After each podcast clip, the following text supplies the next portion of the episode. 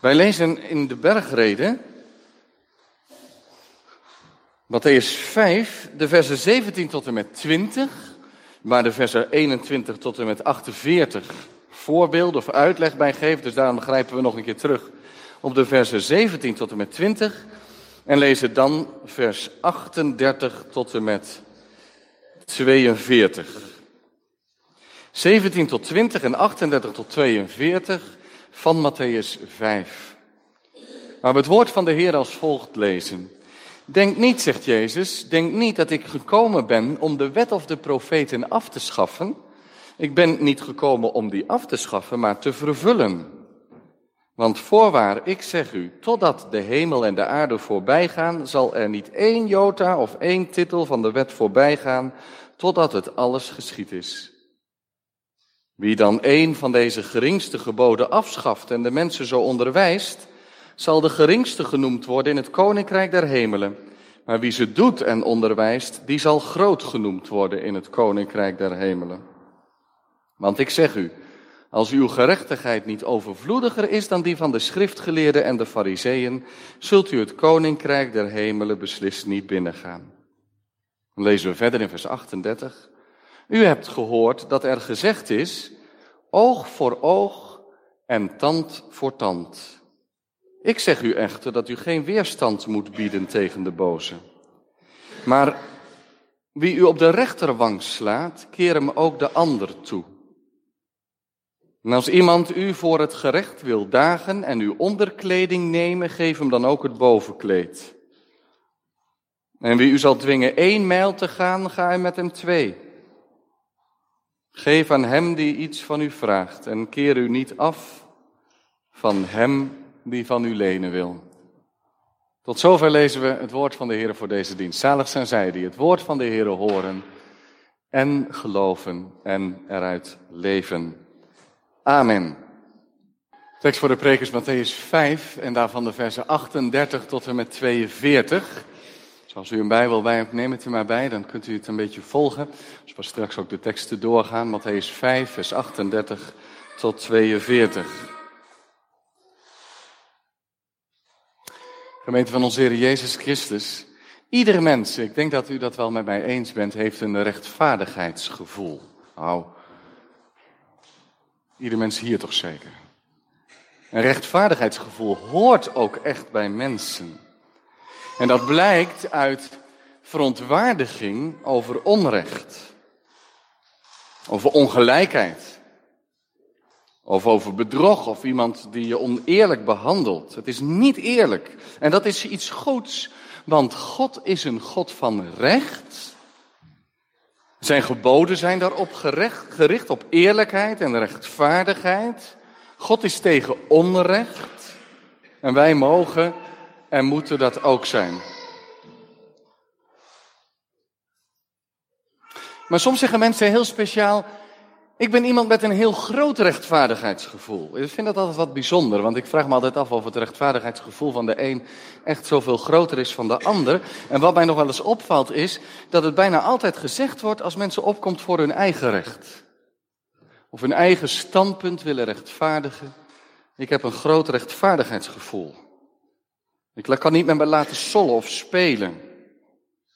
Een belangrijke vraag is dan voor ons allemaal hebben we dan ook zo'n groot rechtvaardigheidsgevoel voor anderen?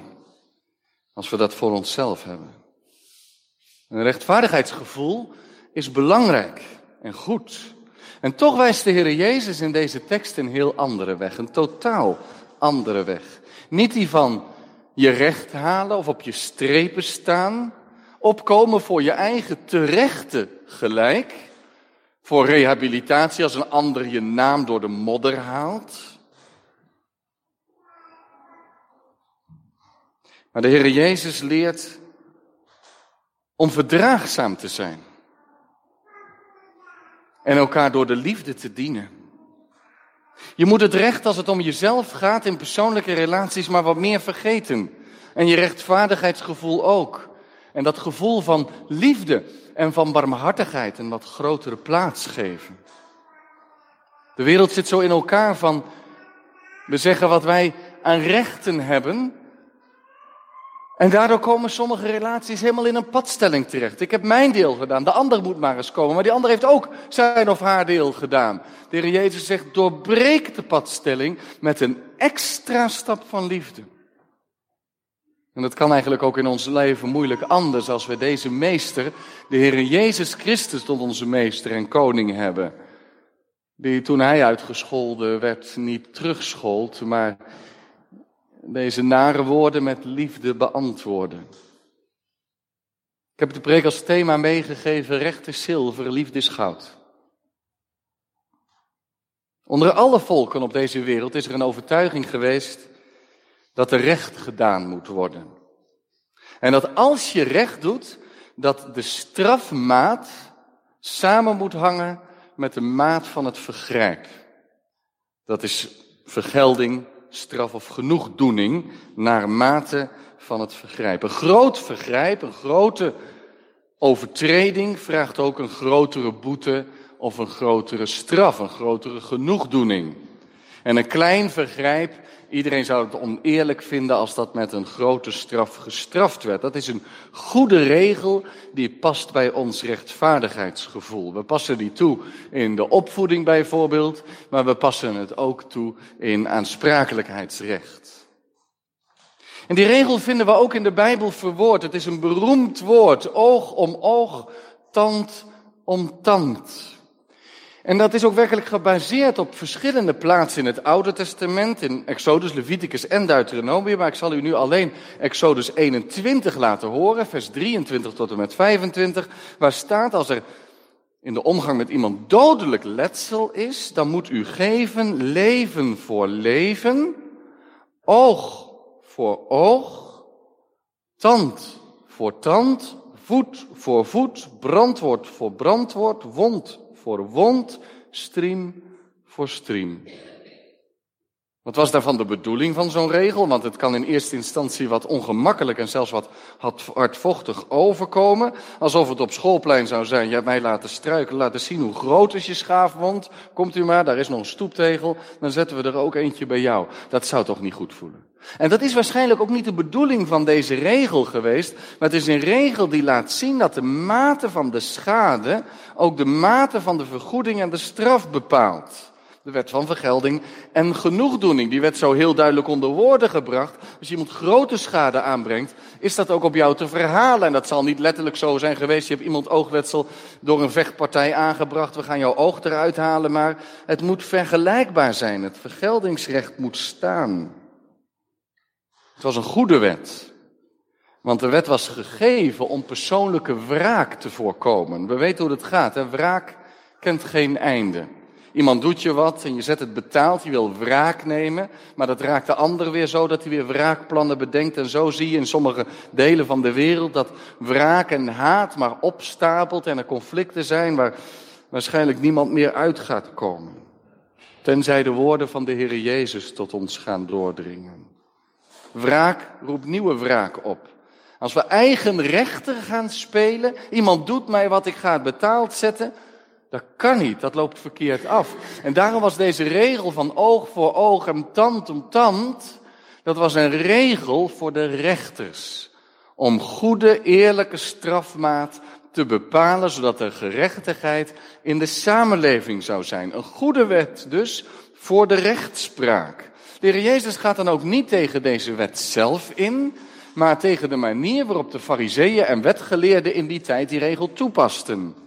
Want zij haalden het bij de rechters vandaan en maakten er een regel van in het dagelijkse leven. Als iemand mij wat doet, dan heeft hij dat aan zichzelf te wijten. Ik doe het terug. Iemand slaat mij, ik sla terug. Iemand schopt mij, ik schop terug. Iemand brengt zijn spullen niet terug die hij geleend heeft, breng ik zijn spullen niet terug. Iemand nodigt mij niet uit voor zijn feestje, nodig ik die niet uit voor, zijn voor mijn feestje. En zo gaan we betaald zetten. Jij doet mij iets, ik doe jou iets. Oog om oog, tand om tand. Jij bedriegt mij, dan heb ik het recht om ook oneerlijk te zijn naar jou. En men legitimeerde een dergelijke houding van betaald zetten met een beroep op deze tekst. Nee, zegt dan de Heer Jezus. Dat is de bedoeling niet van dit gebod. Het was juist bedoeld om persoonlijke wraak tegen te gaan. Maar de Heer Jezus gaat nog verder als hij zijn gezaghebbende woorden gaat spreken, maar ik zeg u.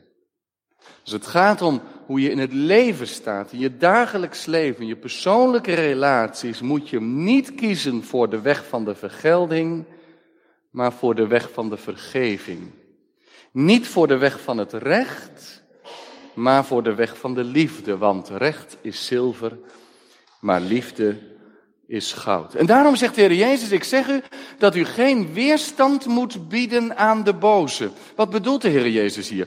Eh, zeker niet dat je de duivel maar zijn gang moet laten gaan, geen weerstand bieden aan de boze. Of dat je criminelen in de samenleving maar hun gang moet laten gaan, die mensen uitbuiten. Nee, er zal recht moeten gedaan worden. Het recht schaft de Heer Jezus dan ook beslist niet af. Vanuit de liefde is er ook het recht. Maar het gaat hier om je persoonlijke levenshouding. Als iemand je bedriegt, benadeelt, je goede naam aantast, dan is recht zilver en liefde goud. Er zijn van die vastgelopen relaties waarbij ieder aan zijn eindje vasthoudt. En als ik naar beide kanten van de verhalen luister, dan denk ik wel eens, ze hebben allebei nog gelijk ook. En allebei zijn we zijn tot het uiterste gegaan. Dit is wat eerlijk is. Ik heb mijn deel gedaan. Het is allemaal recht. Maar pas als iemand die extra mijl kan gaan in de liefde, dan gebeurt het. Ga niet voor je recht, al heb je, de Heer Jezus zegt niet, het is fout om voor je recht te gaan, want vaak vergis je, je hebt geen gelijk. Ga niet voor je recht, al heb je honderd keer gelijk. Maar kies voor de liefde, voor verdragen en vergeven. Kun je iemand voor de Heer winnen door hem voor de rechter te dagen, bij wijze van spreken? Of zou je niet het hart van de ander kunnen inwinnen door die extra daad van onbaatzuchtige liefde? Ga niet procederen. Ga niet voor je recht in een persoonlijke relatie. Ik wijs, zegt de Heer Jezus, zoals Paulus dat later zegt, ik wijs u een weg die nog uitnemender is. De weg van echte liefde. En die weg, broeders en zusters, is zijn weg. Het is ook de weg van de navolging. Heel de weg van de Heer Jezus was niet opkomen voor je eigen recht.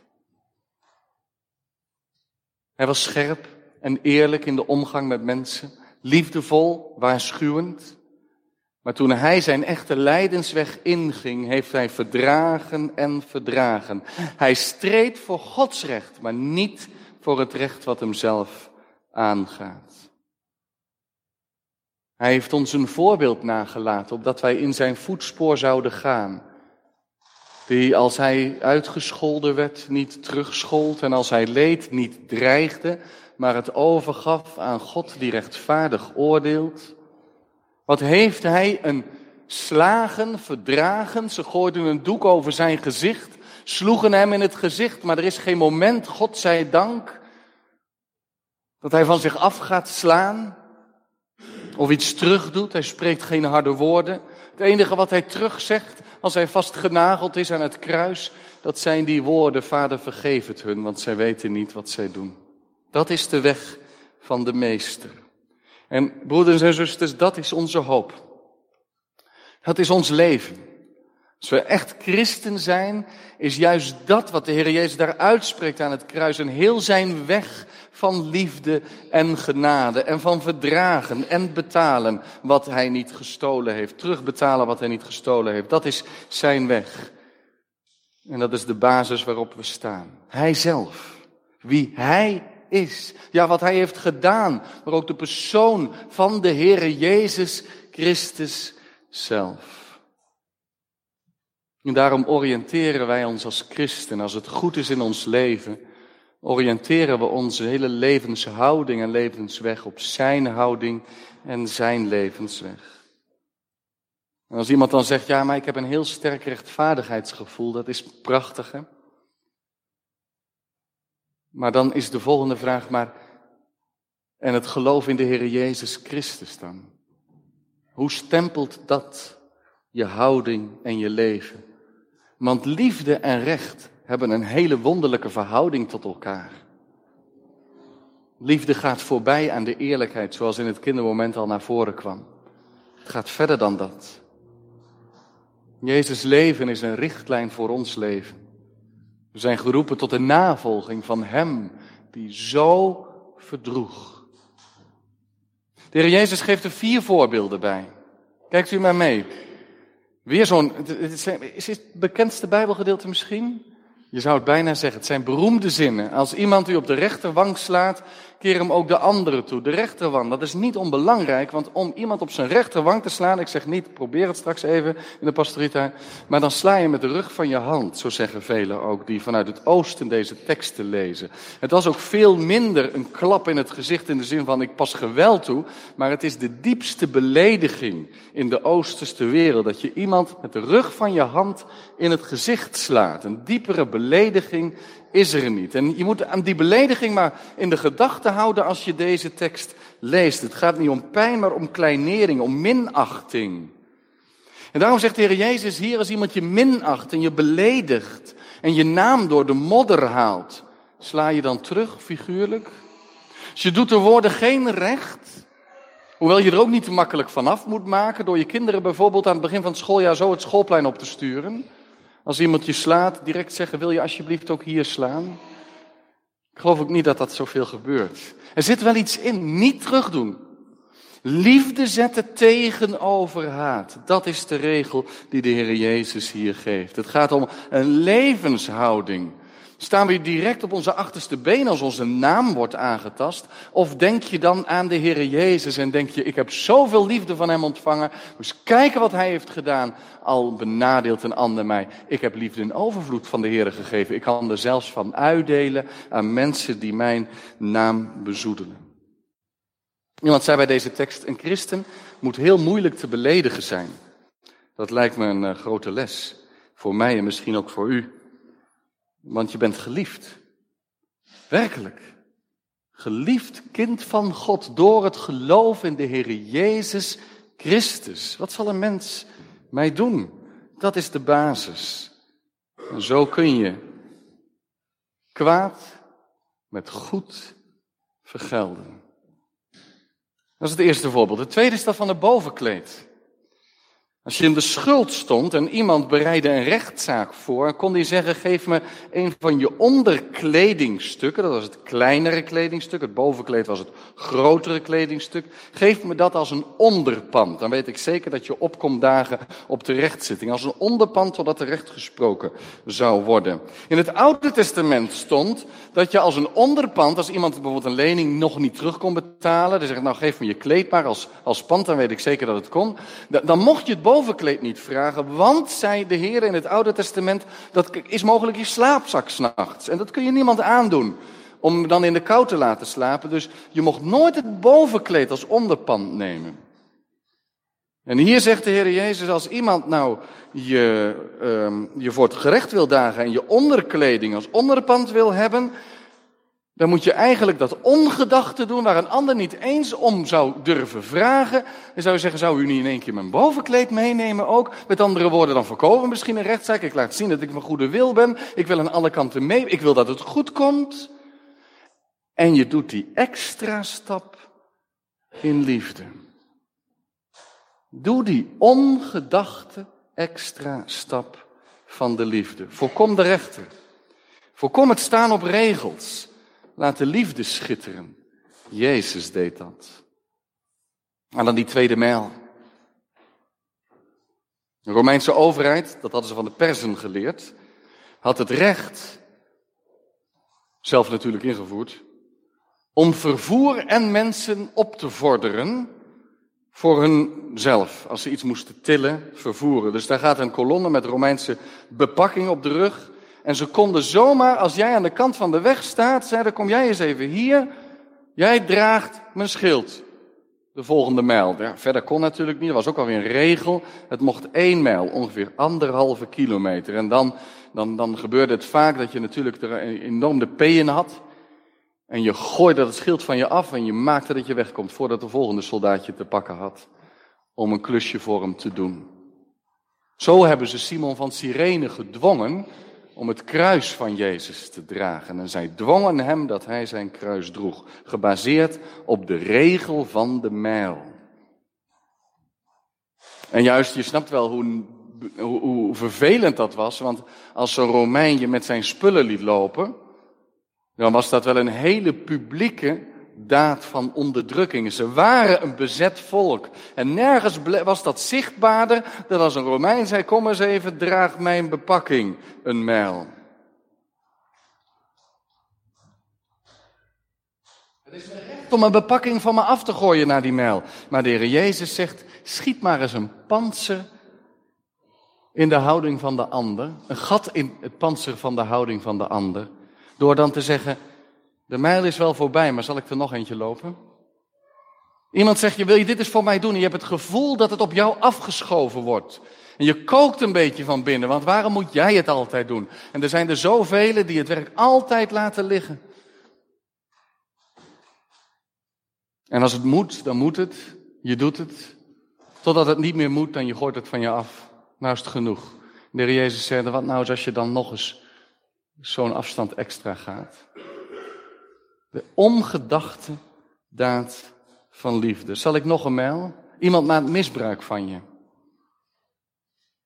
Het lijkt wel een beetje op touwtrekken, zou je haast zeggen. Als Paulus later zegt, ga maar kolen van vuur op zijn hoofd hopen door lief, liefde te geven. Als je met twee mensen een touwtrekker hebt, die kunnen enorm hard trekken en er zit niet veel beweging in. Totdat de een zegt, nou weet je wat, dan laat ik hem wel vieren. Is het spelletje eigenlijk ook gauw over. Nou, niet om de ander te vloeren hoor. Soms zouden we wat minder kunnen trekken en wat meer mee kunnen geven in die liefde. Zal ik, zal ik nog iets voor je doen? Dat bedoelde de Heer Jezus in vers 20 met overvloedige gerechtigheid. Iemand benadeelt je, hoe antwoord je? Oog om oog, tand om tand. Of zeg je, weet je, ik dien je nog meer. Meer dan je van me vraagt. Dat is de gelijkvormigheid aan de Heer Jezus Christus. Laatste voorbeeld, de vierde, geven en lenen. Lijkt misschien vanzelfsprekend, hè? lijkt een beetje uit de pas te lopen, deze tekst. Maar misschien voelen we de scherpte aan als iemand bij je komt die voor de zoveelste keer iets nodig heeft. En die komt weer wat lenen. Waarom? Omdat hij zo slordig is en zijn spullen nooit voor elkaar heeft. En je geneigd bent om te zeggen, ja, iedereen, maar jij niet meer. En dat de Heer Jezus dan zegt, maar wij moeten, wil je een volgeling van mij zijn, dan moet je weten in je leven wat het is dat de pijn van het verlies wat je lijdt, omdat mensen slordig met je spullen omgaan of dingen niet teruggeven of weer de hand ophouden, omdat ze zo nodig hulp nodig hebben. De pijn die je daarbij voelt, dat die helemaal gevuld wordt door de liefde van de Heer Jezus Christus, omdat zijn pijn toch alles is vergeleken met wat wij soms moeten missen. Geven en lenen terwijl je op je klompen aan kan voelen en dat je het nooit weer terug zult ontvangen. Het is, zegt Jezus, de liefde die het verschil maakt. Broeders en zusters, we gaan avondmaal vieren. Het is de maaltijd van de Heer Jezus Christus en van de drie enige God dat ook. Het is ook de maaltijd waarin wij gedenken de weg die Jezus ging. Daarom zijn ook diegenen uitgenodigd aan de maaltijd die zeggen, die weg, dat is mijn weg geworden. Mijn weg op twee manieren. Dat is mijn weg geworden omdat Hij dat voor mij heeft gedaan. Dat geloof ik en daar leef ik uit. Dat is mijn beleidenis, dat Jezus weg dat voor mij heeft gedaan. Want ik zeg, zijn weg is ook mijn weg. Dan zeggen we ook, zoals Hij zijn weg ging, zo wil ik ook mijn weg gaan. Ik wil als het ware steeds achter Jezus aankomen, zoals Hij leefde. Dat gaat verder. Dat gebeurt als we geraakt worden door genade. Zo wil ik leven. In die liefde. De tweede mijl. Het bovenkleed. De andere wang. Het lenen en geven. Een leven van liefde. Recht is zilver. En liefde is goud. Jezus ging niet alleen maar een tweede mijl. Maar hij heeft hen lief gehad, helemaal tot het einde van de weg. Verder dan onze weg ooit kan gaan. En als hij het avondmaal dan wil gebruiken om ons geloof te voeden en te versterken, zicht op zijn koningschap, te bevestigen dat je zijn kind mag zijn, ondanks onze zwakte en blijvende zonde in ons, waar we tegen strijden, maar ook nog nooit weer genoeg. Kom maar bij mij aan tafel, ik wil je laten proeven dat mijn genade werkelijk overvloedig is. Kom dan maar proeven van zijn genade. Maar als hij ons voedt, ons geloof voedt, dan voedt hij ons ook in deze levenshouding. Dat zijn weg ook onze weg is. Daaraan herken je een christen. Niet aan vergelding, maar aan vergeving. Niet aan gaan voor recht, maar gaan voor liefde. Amen.